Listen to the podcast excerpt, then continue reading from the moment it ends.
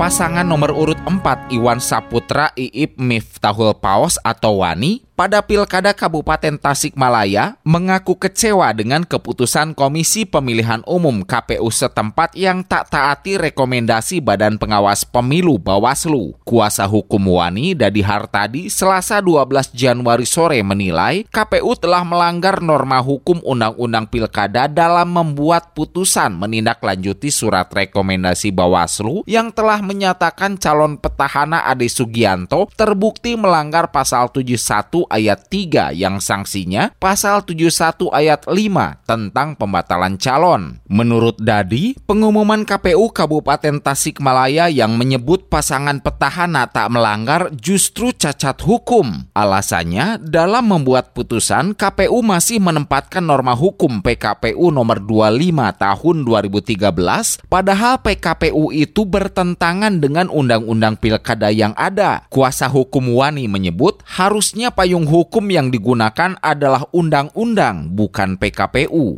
Kami nilai cacat hukum dalam isi pengumuman tidak mengacu pada landasan yuridis norma hukum sebagai payung hukum pelaksanaan pemilihan kepala daerah serentak Indonesia tahun 2020 Sebelumnya, hasil kajian Komisi Pemilihan Umum KPU Kabupaten Tasikmalaya menyatakan calon Bupati Petahana Ade Sugianto tak terbukti melakukan pelanggaran administrasi pada Pilkada 2020.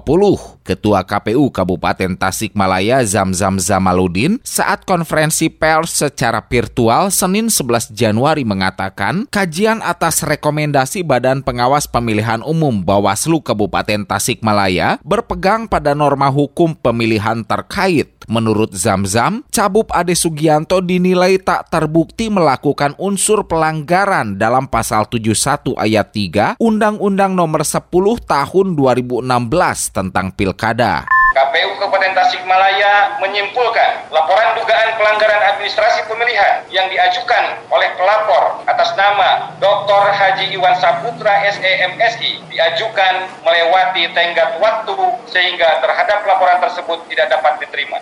Pada bagian lain keterangan persnya, KPU Kabupaten Tasikmalaya mengungkap Putusan itu berdasar hasil kajian di antaranya pertama, laporan dugaan pelanggaran administrasi pemilihan yang diajukan pelapor telah melewati tenggang waktu. Karenanya, laporan tidak dapat diterima. Kedua, laporan diajukan setelah tahap penetapan rekapitulasi perolehan suara tertanggal 16 Desember 2020 sehingga hal itu merupakan ranah yang berkaitan dengan penyelesaian perselisihan hasil pemilu yang merupakan ruang ruang kewenangan absolut dari Mahkamah Konstitusi untuk memeriksa dan mengadilinya. Ketiga, KPU menilai tidak terdapat argumentasi yang cukup kuat yang menjelaskan bahwa instruksi bupati dan surat edaran tentang percepatan pensertifikatan tanah wakaf merupakan murni kebijakan bupati atau petahana karena kebijakan itu bersifat reheling atau mengatur bukan beshiking atau keputusan penetapan administratif. Keempat, tidak terdapat bukti-bukti yang cukup kuat dan meyakinkan adanya keuntungan yang diperoleh pasangan calon nomor 2 Ade Sugianto Cecep Nurul Yakin dari kebijakan dimaksud. Kesimpulan, karena unsur pelanggaran pasal 71 ayat 3 tidak terbukti, maka KPU Kabupaten Tasikmalaya tak memutuskan hasil tindak lanjut itu berdasarkan penilaian pribadi, namun juga koordinasi dengan KPU Provinsi Jawa Barat